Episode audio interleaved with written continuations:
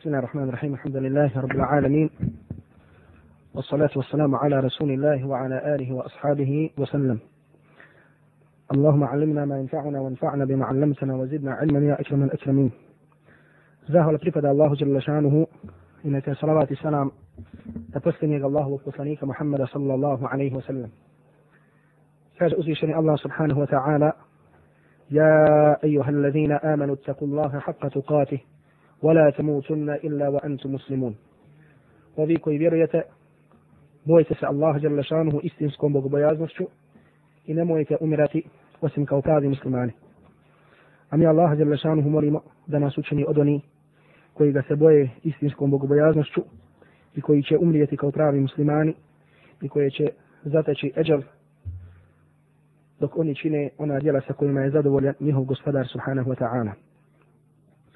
Znači, draga moja braći i cijenine sestre, mi ćemo evo, tako večeras početi sa ovim predavanjima, ili možda ciklusom predavanja koji bi trebala da budu svakog ponedeljka, ili sručimo se koliko možemo da bude ovaj svakog ponedeljka, vezano za temu da li će biti neka opšta predavanja ili ćemo uzeti možda neku knjigu, dogovorit ćemo se ako boj da ovaj. Tokom vremena, međutim, hajde da kažemo da ćemo ovo prvo predavanje učiniti možda jednim opštim predavanjem ili ovaj samim posticanjem kada je u pitanju znanje, kada je u pitanju halke, kada su u pitanju dobra djela, jer vidimo ovaj tema je važnost dobrih djela. Mi svi znamo da je Allah Đalešanuhu uslovio ulazak u džennet sa vjerovanjem i sa dobrim djelima. I prvo kao muslimani znamo da neće ući u džennet niko ko ne bude imao čega, ko ne bude imao imana vjerovanja.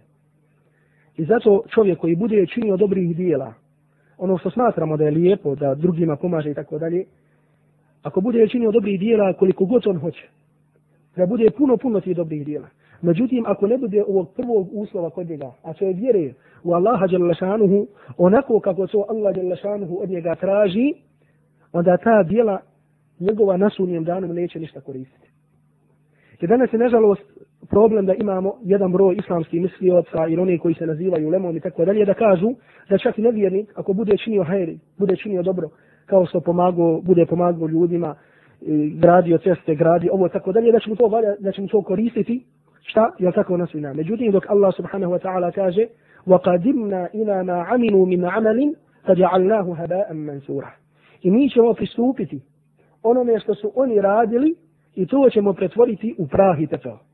Znači sva ona dobra djela što su oni činili, ako ne budu imali mana, Allah subhanahu wa ta'ala na musuri Furkan kaže da će sve to pretvoriti u prah i tepeo. Međutim, također oni koji budu vjerovali i budu imali tu osnovu imana, od njih se traži činjenje dobrih djela. I zato na više mjesta u Allahu wa jalla šanhu fizi nalazimo da na Allah subhanahu wa ta'ala kaže والذين آمنوا وعملوا الصالحات أولئك أصحاب الجنة oni koji budu vjerovali i činili dobra djela, oni su šta? Stanovnici dženneta. I zato kao što kaže jedan broj islamskih činjaka, da skoro nikada nećemo naći da Allah Đalešanu u Kur'anu spominje vjerovanje, a da usto ne dolazi šta? Spominjanje dobrih djela. Znači uvijek spominjanje imana, da se uvijek kada se spominje iman, vjerovanje, da skoro uvijek nalazimo kako usto se spominje šta? Činjenje dobrih djela.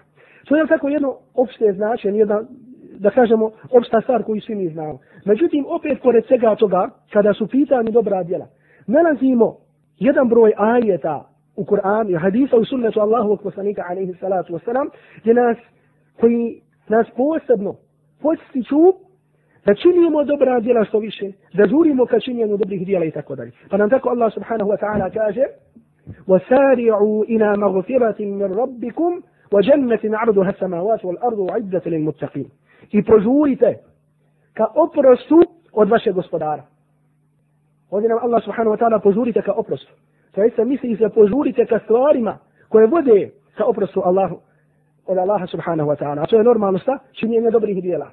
وَجَنَّةٍ عَرْضُهَا السَّمَاوَاتُ وَالْأَرْضُ وَعِدَّةٍ لِلْمُتَّقِينَ I džennetu će prostranstvo koliko nebesa i zemlja koji su pripremljeni za one koji su bogobojazni. Ovdje vidimo što znači da pored ti ajeta gdje se spominje vjera i činjenje dobrih dijela da nas Allah djela sanu postiće šta? Opet da činimo da tako dobra vjera. Pa nam se tako dadje u Kur'anu i sunnetu Allahu poslanika alaihi salatu wasalam pojašnjavaju koja su to vrsta dobrih dijela. Jer nekada čovjek u svojoj glavi može zamisliti tako da kažemo da se traže samo određena dobra djela. Pa zato nežalost vidimo jednu, e, da kod jednog broja omladine nisu ispravno postavljeni mizani i terezije kada, su, kada je u pitanju shvatanje dobrih dijela. Pa na primjer vidimo tako da se određenoj vrsti dobrih dijela daje određena pažnja. I to je alhamdulillah pozitivna stvar. I vidimo mašala kako, kako se ustrajno na tome, to se čini, to se ne, ne izostavlja nikam. Međutim, kada su pitanju neka druga dijela koja je također dobra dijela, koja su možda preča od ovih nekih drugih dobrih dijela, vidimo kako tu postoji jedna vrsta, ja kako da kažemo gafleta, jedna vrsta zaborava, jedna vrsta da se ne pridaje pažnje i tako dalje. Međutim, dok opet vidimo u onome što nam dolazi u Kur'anu i sunnetu Allahovog poslanika alaihi salatu wasalam i govoru islamskih učenjaka da postoji više vrsta dobrih dijela. Pa tako ako bi se vratili na onu definiciju ibadeta, znači ali tako osnovna stvar, da čovjek zna šta je to ibadet. Jer Allah Želešanuhu kaže da je ljude i džine stvorio radi čega da mu ibadet čini. E dobro. Sad čovjek kaže šta je to ibadet? Neko može shvatiti da ibadet čini samo to. Neko može shvatiti da ibadet da čini samo to. Neko na primjer kaže, eh, to se podrazumijeva da ja samo klanjam. Međutim, kada u pitanju druge stvari, da li će ja, da li će moj porodični život biti ovaj po Kur'anu i sunnetu, da li će ovo to nije važno. Neko opet sada kaže i badet je šta, da ja budem pošten, da budem dobar prema drugim, međutim kada pitam nama su mogu malo lijevo desno. Ali ona definicija koju su postavili islamski učenjaci kada u pitanju ibadet, nam daje odgovor na sve to. Pa tako kaže šehhul Islam ibn Taymiyyah rahmetullahi جداية دفنيسي بعد سيد إكاشة ذاته اسم جامع لكل ما يحبه الله ويرضاه من القول آه، من العمل والأعمال من الأقوال والأعمال الظاهرة والباطلة ذاته زيد نشكو إنا زفئنو صبولي الله جل شانه سشن يزد أولا أدقبرة يديلا الظاهرة والباطنة. يديلا أنو ترنيب إبانسكيه Znači vidimo ovdje da nam šehol Islam ibn Taymiye kaže šta? Znači da ibadet može biti jezikom. Znači ono što čovjek izgovara svojim jezikom, da na taj način može šta? Da ispoljava ibadet prema Allahu subhanahu wa ta'ala. Međutim ovdje nam također kaže šta? Da su dijela ibadet, to manje više znamo. Ali nam kaže da mogu biti avahira, avahira wal batina. Mogu biti vanjska dijela i unutarnja dijela. Koja su to sad vanjska dijela, koja su unutarnja dijela? Znači vanjska dijela su ona dijela koje drugi ljudi mogu da vide. Znači vide kada ti obavljaš namaz. Ja tako? Drugi ljudi mogu da to vide. Kada daješ zakat. Vidi je tako normalno, to između sebe i Allaha Đelešan. Međutim, ljudi mogu da budu svjedoci tome. Međutim, kada su pitani al-a'mal al-batine, unutrašnja djela, i da nazovemo ibadet srca, onda je to nešto što ne mogu da vide drugi ljudi. I vidimo ovdje kako ista pažnja se daje vanjskim djelima, u stvari unutarnjim djelima, kao i vanjskim djelima. I da kao što su vanjska djela od ibadeta, da su tako isto unutrašnje, unutarnja djela od ibadeta. I zato nalazimo hadis Allahu kusanika alaihi salatu wasalam, da nam kaže, ala inna fil jasad, ala inna fil jasadi mudga, da zaista u čovjekovom tijelu ima jedan dio, koji ako je dobar, sve je drugo dobro. Ako to nije dobro, ništa drugo nije dobro. Pa zato vidimo kako je veliki broj islamskih čanjaka posvetio posebnu pažnju unutarnjim djelom. I da su napisali posebna djela u kojima se tretiraju samo dijela srca.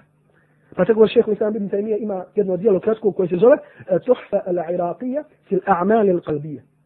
Irački poklon u dijelima srca. To jeste gdje šeheh Islam ibn Taymiyyah objašnjava koje su to vrste ibadeta koje su vezane samo za čovjekovo srce. Jedno od najboljih dijela koje je napisano kada je u pitanju ibadet srca, to je veliko, veliko dijelo od Ibn Qayyima al-đauzije, koje se zove Medariđu Saliki. To dijelo ima, je, je tako sada prevedeno? Ima meštini dva prevoda. Ima ona jedna skraćena verza, meštini ono drugo nije skraćena verza. Kako se zove na našem? Eh, stepen, eh, na pučka Allahu ili tako dalje. Ovo je jedno od najboljih dijela koje je napisao Ibn Al-Qayyim, rahmetullahi alaihi općenito. I smatra se isto vrijeme jedno od najboljih dijela kada u pitanju ibadet čovjekovog srca. Međutim, mi danas vidimo, alhamdulillah, svi manje više, da određenoj vrsti, što treba tako da bude, kada u pitanju vanjska djela, kada u pitanju vanjski haram, čovjek šta? Znači, vodi računa o tome. I rekli smo, na primjer, kada bi vidjeli nekoga među nama, da učini određenu stvar, svi bi se tome i brati. Međutim, u isto vrijeme čovjek zapostavlja neke stvari koje su mu strogo naređene. Kur'anom i sunnetom Allahovog poslanika sallallahu alaihi wa sallam, a koji su vezane samo za čovjekovo srce. I zato, na primjer, spominjali smo u nekim bili predavanja i govorili smo o važnosti poniznosti. I koliko je važno da musliman bude ponizan prema kome, prema drugom muslimanu. I to vidimo, na primjer, šta? Da među prvim ajetima koji su objavljeni poslaniku, alaihi salatu wasalam da mu se kaže, vahfid janahaka lil mu'minin. I ti, pazi, Allah žele šemu se obraća, kome s poslaniku, sallallahu alaihi wasalam i kaže, i budi ponizan prema vjernicima. Znači, naređuje poslaniku da bude ponizan prema vjernicima. Znači, da nije vjernik Treći, da bude ponizan prema drugom vjerniku. Ali ova stvar, stvari poniznosti, gdje je mjesto te stvari? Mjesto je njeno srce. Jer ako čovjek u svom srcu ne bude sredio, što bi rekli, kada je u pitanju njegovo shvatanje odnosa prema drugim vjernicima, ništa od toga nema. I zato vidimo, subhanallah, ulema, koja je dala važnost ovoj vrsti ibadeta. Vidimo njihov odnos kakav je bio jedni prema drugima. I spominjali smo ovdje primjer ovog alima prema, prema ovome i tako dalje. Evo da spomenem samo još jedan primjer. Primjer šeha Ibn Usaymin, rahmetullahi alaihi, i njegovog šeha, šeha bin Baz. Jer šta šeha Usaymin, rahmetullahi alaihi, je učio pre šeha bin Bazom, tako kada je tek počeo da ovaj stiče znanje, zato što među njima postoji jedna godišnja razlika. I šeha Usaymin, rahmetullahi alaihi, svoje poniznosti prema i spoštovanje prema bin Bazu, jedne prilike je bin Baz, pogledajte ovo, šeha traži od svog učenika da mu napiše jednu, da kažemo, studiju određenoj meseli. Znači, ne u ovom pri...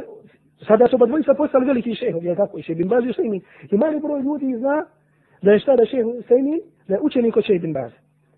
I sada traži od njega da mu napiše jednu studiju vezano za jednu meselu. Znači, ne iz razloga da vidi kakav je njegov student, nego da se koristi. Znači, strano. I šeh Usaymin piše ovu studiju, kome je bin Baz. Međutim, kada na početku mu Ja tako na početku te studije, na početku tog pisma mu kaže min al ibni ila al walidi a šeheh bin Baz hafidahullahu ta'ala. Od sina njegovom ocu šeheh bin Baz rahmetullahi alaihi. Znači obraćamo mu se kako? Kada je on sin od šeheh bin Baz, a da mu je bin Baz rahmetullahi alaihi sa, da mu je to otac. Znači pogledajte poštovanje. Jedno ko ima ali prema drugom alimu. A še bin Baz rahmetullahi alaihi, rahmetullahi alaihi odgovara na sve to, pa jednom prilikom govori, jer kako jednom prilikom, u jednom od njegovih mnogobrojnih dersova i mnogobrojnih knjiga koje su se čitale pred njim, je rekao da knjiga koju će učiti studenti, a koje će on komentarisati drugima, bude knjiga vezana za vrijednosti Ramazana od šeha Husaynina rahmetullahi alaihi. Znači, zamislite, šta, šejh tumači knjigu svog učenika. Znači, zamislite da dođe neko i kaže, eh, ja ću sada komentar, obično kada se komentariš u neke knjige, to se uzme od nekog poznatog alma, neka poznata djeva, tako da Međutim, ovdje šta, Šebin Baz, rahmetullahi alihi, ne vidi da je zapreka šta, ne komentariše knjigu koju je napisao njegov učenik. I da se njegova či, knjiga čita. Znači šta, u ovoj prilici dođe učenik, on sjedi ispred šeha, otvori tu knjigu i čita redom svaku riječ, svaku osobu, svaku rečenicu i tako dalje. I što je nejasno, znači taj govor se čita Kaže bin Bazu. Ono što je nejasno toga, i što je manje jasno, še bin Baz, rahmetullahi alaihi, to komentariše. Sada, braćo, pogledajte primjera kako postupa alim prema alim. A danas mi ne možemo naći da naša omladina shvati da je obaveza postivanje starijeg. Šta da je obaveza poštivanje koga? Starijeg. Znači, bi on alim, ne bio alim. Tvoja obaveza da imaš hedab, da imaš postovanje prema onim koji je stariji od tebe. Traži se poštovanje da ima da bude samilosan prema onome šta koji je mlađi od tebe. Sino smo na dersu spomenuli na hadis koji je zabilježi imam Bukhari svom sahihu. Gdje kaže jedan od ashaba Allahu poslanika sallallahu alaihi wa sallam, kaže utijen nabiju sallallahu alaihi wa sallam bi šarabim bi fašariba minhu. Da je poslaniku sallallahu alaihi wa sallam bila donijeta voda. Pa kaže napio se malo vode. I ostalo je u toj posudi, u toj čaši malo vode. Pa kaže, wa an jeminihi gulamun, wa an jesarihi l'ašjah. Kaže, sa desne strane poslanika, alaihi salatu wasalam, je bio jedan dječak. Dječak, malo djete. A sa lijeve strane bili stari ljudi, uvaženi ashabi i tako dalje. Pa poslanik, alaihi salatu wasalam, ono što hoće, jer tako ono što je ostalo od vode, hoće da da koji su bili prisutni. Međutim, od edeba je sta, da čovjek počne sa desne strane. Pa se poslanik, alaihi salatu wasalam, obraćao mi dječak sa desne strane. Kaže mu, ja gulam, li en u'tija haula. O dječače, da li mi daješ izum da dadnem ovima, to jeste koji su sa lijeve strane. Pogledajte. Allahu poslani sallallahu alaihi wa sallam. Najdraže stvorenje Allahu jalla šanu. وما أرسلناك إلا رحمة للعالمين نسمة تصل يوسف كومين وشيطويما يا أيها النبي إذا طلقتم النساء فطلقهن لعدتهن أو poslaniće Hadi kako mu se odbraća iz poštovanja prema njim, o poslaniće, zove ga subhanallah. Kada budete, budete razvodili svoje žene, pa razvodite ih u njihovim iddatima. Znači obraća mu se majicu šta iz poštovanja prema njim. I taj poslanić, alaihi salatu sam, ima jednu ovakvu normu ponašanja. Ima ovako jedan edep prema jednom običnom dječaku. Znači šta subhanallah, vidimo kako nas sunnet Allahovog poslanika alaihi salatu wasalam uči šta edep prema onome koji je stariji. Edep prema onome koji je mlađi od tebe. Pa poslanik alaihi salatu wasalam ko se zabilio že ima Abu Dawud u svom sunenu. Onaj dječak koji je bio židov, koji je bio bolestan. I poslanik alaihi salatu wasalam ide, on lično, šta? On ide lično da posjeti tog dječaka tog židova. Pa se dijete bilo židov. Međutim, poslanik alaihi salatu wasalam ide da ga posjeti u njegovoj postani dok je bio bolestan. A kako je tek onda kada je u pitanju postovanje u Leme? Da čovjek ima jedno postovanje prema ulemi. Ko što ulema ima jedno, jedni prema drugima. Kao što kaže veliki muhaddis, veliki hafiz ibn Asakir, rahmetullahi alaihi. Kaže, i'alam rahimak Allah. Kaže, znaj, Allah ti se smilovo. Da je meso uleme otrovno. Pa koga pojede šta? ili će se mnogo razboliti, možda ozdravi, ili će možda umrijeti od te bolesti. Znači, mi danas vidimo, svjedoci smo jednog fenomena. Sada je sok sebi daje pravo da govori o ulemi. Da govori da je ovaj daja taki, ovaj napisao tako, ovaj rekao ovako i tako dalje. Ko je taj onda koji će ljudi, ljudima tumačiti Allahu u Đalešanuhu vjeru? I zato šta? Kada hoće da se pravi neki dalaj, kada ljudi hoće da prave smuti, šta, šta rade prvo? Prvo se uzme autoritet ljudima od ilima. I onda neka govori ko šta hoće, neka radi šta ko hoće, bilo to od islama ili ne bilo od islama, jer onda više niko nema autoriteta. A mi znamo da ne možemo ni jednoj stvari da pristupimo ukoliko nemamo šarijatskog znanja. I zato onda omladina, kada izgubi kurs, kako da se kreće u svom islamu. Mi smo sinoć govorili kako je potrebno da naša omladina ima jaku volju, da ima hamas, pa tako da uči znanje, da širi svoje znanje, da ljudima govori Allahu wa lašanuhu. Međutim, nekada imamo da nam omladina ima hamasa, ali da ga ne zna usmjeriti tamo gdje treba da se usmjeri. Pa kako vidimo, se smo svi balaja da se, šta, dešavaju mnoge stvari muslimanima. I onda se požuri nekada da se neke stvari rješavaju onako kako nije to dozvolila Allahu wa šanuhu vjera. Da se na ovaj način pokuša riješiti problem, da se na ovaj način pokuša riješiti problem, se suprotno onome što nas je učio Kur'an i sunnet i sira Allahovog poslanika alaihi salatu wasalam. Sada ga braćo, čitali smo svi. Ako ništa onaj prvi dio sire. Pa vidimo tamo kroz kakva, kroz kakva stanja su prolazili muslimani. Zamisla Allahu poslanika alaihi salatu wasalam se nalazi tu, međutim ne može da radi ništa. Poslanik alaihi salatu wasalam prolazi pored Ammar ibn Jasira, koji, se, koji je bio kažnjavan kako je bio prolazi pored njegove žene Sumeje, koja je kako bila ubijena, tako što je koplje bilo zabodeno u njen polni organ, jarab, i prolazi pored njih. Međutim, poslanik od Allaha jalla šanuhu. Ne može ništa da učini, nego prolazi i gleda u njih, kaže, sabran, ja ale jasir, fa innama va'idakum il džemna. Saburajte ovo porodico jasira, jer vaše je boravište džennet. Ne može poslanik Ali salatu wasalam ništa u tome da uradi. Međutim, da li je ikada naredio ashabima da se da bude odnos prema mušnicima suprotno što je dozvolila Allahu subhanahu wa ta'ala vjera i sunnet njegovog poslanika alaihi salatu wa salam. Kad pogledajte kako poslanika alaihi salatu wa salam vodi računa o sve općoj koristi muslimana. Pa kada je bio onaj sporazum između njega i mušnika i kada mušnici odbijaju da poslanik alaihi salatu wa napiše Muhammed, odnosno muslimani Muhammed Rasulullah, Muhammed Allahu poslanik, kažu ne, možeš ti pisati Muhammed Allahu poslanik, nego samo napiši Muhammed. Poslanik alaihi salatu islam radi jednog općeg dobra muslimana, odričio se toga, kaže, dobro, napišite samo Muhammed. A važno je šta? Da korist bude za muslimane. Pa kada sa njim prave ugovor, da svaki onaj musliman koji prebjegne iz Meke u Medinu, Da su muslimani obavezni da ga vrati. Poslanik alaihi salatu wasalam šta? Sklopio ugovor sa muslicima. Da svaki musliman koji je tada bio u Mekki, ili ko primi islam, i ko sebe da se priključi muslimanima u Medini, u islamskoj državi, ko dođe, da su muslimani obavezni da ga vrate gdje? U Mekku. Da ga vrate muslicima. I poslanik alaihi salatu wasalam prihvata taj uslov između njega i njih. Ako bi bio muslima, ako bi pobjegao muslima, poslanik alaihi salatu wasalam ga vraća. Svaka kako mi danas to shvatili. Pobjegne musliman sebi, međutim ti ga vratiš ne prete. Međutim, zbog čega je ovo poslanik alaihi salatu wasalam prihvatio?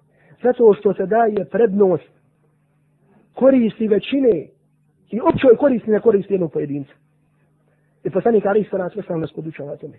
I zato je ulema ta koja pod broj jedan šta, rekne kada je šta korist, kada nešto nije šteta. I ko je taj koji procenio šta je korist, šta je šteta. Zato procenio ljudi koji nemaju ilma, ne nego to procenio ljudi koji su od ilma. To procenio ulema. I zato kada ulema kaže da je to dozvoljeno, onda je to dozvoljeno. I zato kada ulema kaže da to nije dozvoljeno, to nije dozvoljeno. Zato što su oni ti A Allah je subhanahu wa ta'ala naredio nam da budemo pokornima. Oni su ti čija nam je pokornost naređena. Kada Allah subhanahu wa ta'ala kaže, ja i allazina amanu asiju Allah, wa asiju Rasula wa ulil amri minkum. O, vi koji vjerujete, pokoravajte se Allahu i pokoravajte se poslaniku, poslaniku i vašim predvodnicima. Veliki broj sarafa kaže, to jeste ulemi, ljudima od ilma. Zato što je uvijek ulema, što su oni bili vladari, zato što su vladari sredili njih. A ne da je bilo, tako da kažemo suprotno. I zato, draga braću, uvijek mora kada se Allahu vađala šanuhu vjera tumači. Mi uzimamo vjeru kroz Kur'an i sunnata Allahovog Rasulullaha sallallahu alaihi wa sallam. Međutim, taj Kur'an i sunnet nam tumači ulema, a ne mi lično. Šta? Taj Kur'an i sunnet nam tumači ko? Ulema. Koji su poznati da je ulema, da su ulema. Koji su poznati da su šta? Prava ulema.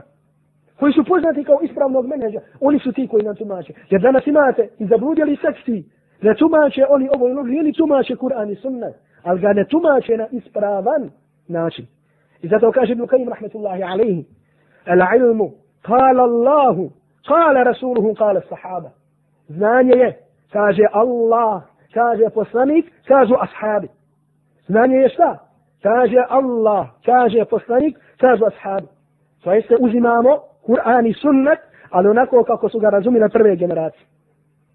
Ne onako kako ga mi razumijemo.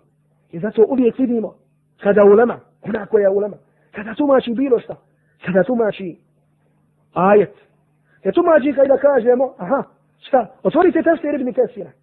Ibn Kesir kaže, ja mislim da je to tako, to je tako i tako, nego vidite ga kaže, kaže Abdullah ibn Abbas, tako i tako, pa kaže Dahak, tako i tako, kaže Abdullah ibn Mas'ud, tako, kaže Zaid, tako, kaže ovaj, tako, nema, ajte da to ne spominje. Znači vraćate se na koga? Na ulema. Vidimo komentare hadijskih zbirki. Kaže li Ibn Hajar to je tako ili tako? Kaže li Imam Nevi to je tako? Ne. Nego kaže, kaže Abu Hanif, kaže Imam Šafija, kaže Malik, kaže Ahmed, kaže Imam Auzar, kaže Imam Sauri, kaže Imam Ova, kaže Imam Ona. I zato je potrebno da kada se vjera uči, da znamo ko je to tako protumačio.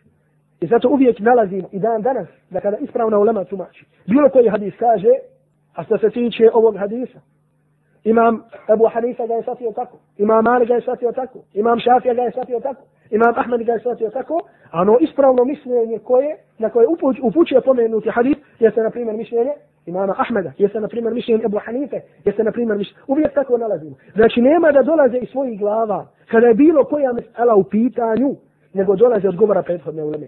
I zato ne može se shvatiti vjera onako kako to nisu shvatile prethodne generacije. I zato moramo da znamo kako se i na koji način vjera uzma. Ne da nam sine u glavu, aha, tako trebamo postupiti, ovako trebamo raditi, sa, a nismo se prethodno savjetovali. Niti smo pročitali, niti vidjeli, niti protumačeno, niti nam se protumačio govor u Leme. I zato Allahovi robovi, autoritet u Leme i ljudi od ilma, mora da bude nešto što je svijeto. Jer onda kada se počne, jer oni ljudi koji govore protiv ljudi od ilma, protiv uleme, mogu da budu jedne od dvije skupine. Prvo mogu da budu oni koji su učeni kao i oni. Pa da čovjek kaže, e, što se tiče tog alima, on nije u pravu. Ja mu sada kažem tako i tako. I ti mu odgovaraš, ti mu pojašnjavaš šta je pogriješio. A ti sami poput njega. Ili da budeš od onih koji kod sebe imaju osobine Haridžija, od onih koji ustaješ protiv te uleme, koji na njih govoriš da su vaki, da su onako osvatili i tako dalje. I zato način shvatanja Allahu radi šanuhu vjere i kako se Allahu subhanahu wa ta'ala vjera prihvata i nešto što u osnovi mora da znamo. Na koji način ćemo je shvatiti? Kako ćemo je razumiti? Ko je taj koji je tumači ovako? Ko je taj koji je tumači ovako? Nešto trebamo brati, pažnje i tako dalje. Znači nešto što uvijek mora da bude u našim glavama. I zato kažem, međutim, da se vratim ono o čemu smo počeli da govorimo. A to je šta? Što znači o poniznost i stvari koja je vezana za čovjekovo srce. Jer čovjek ako u svom srcu, u svojoj glavi, shvati određene stvari, tako će se oni shvatiti šta? Tako će se oni manifestovati u njegovim djelima, u njegovom hodu, u njegovom govoru, u njegovom ovo. Ali kada se prvo shvati u njegovom srcu.